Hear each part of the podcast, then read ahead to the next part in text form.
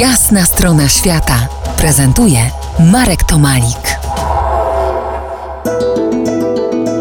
Moim i Państwa gościem dziś Katarzyna Mazurkiewicz, podróżniczka himalajska, przewodniczka, która wraz z mężem Andrzejem od niemal ćwierć wieku prowadzi agencję podróżniczą Terra Incognita.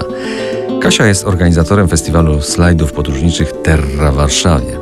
Kasiu, wraz z Andrzejem specjalizujecie się w Himalajach.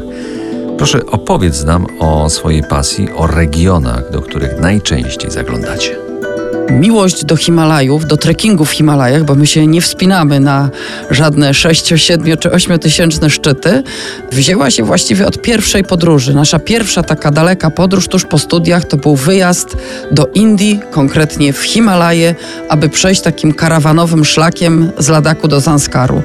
Wciągnęły nas długie podróże, a z czasem y, zaczęło nam się podobać to, że wracamy w te same miejsca, odkrywamy wtedy coś głębiej, coś więcej.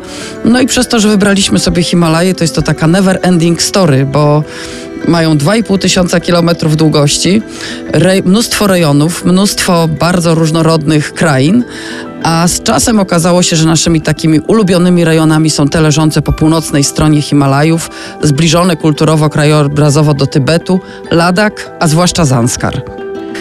Wydaje się, że ruch turystyczny na tych bardziej popularnych szlakach trekkingowych na tych umiarkowanych wysokościach, jak, jak oczywiście na Himalajach, chyba cały czas rośnie. Ale to jeszcze nie kolejki jak do wejścia na Giewont w Tatrach w długi weekend majowy. Zgodzisz się? E, oczywiście, to znaczy Himalaje rzeczywiście zrobiły się coraz bardziej popularne i to nie tylko wśród e, turystów e, z zachodu czy też, czy też ze Stanów, ale w ostatnich latach bardzo mocno ruszyli na szlaki turyści indyjscy, ta hi, indyjska klasa średnia.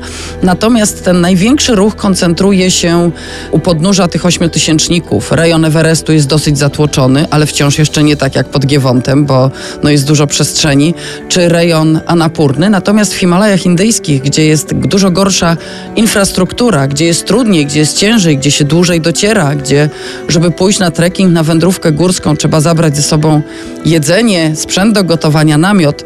E, naprawdę możemy jeszcze wędrować kilka dni i żadnych ludzi nie spotkać.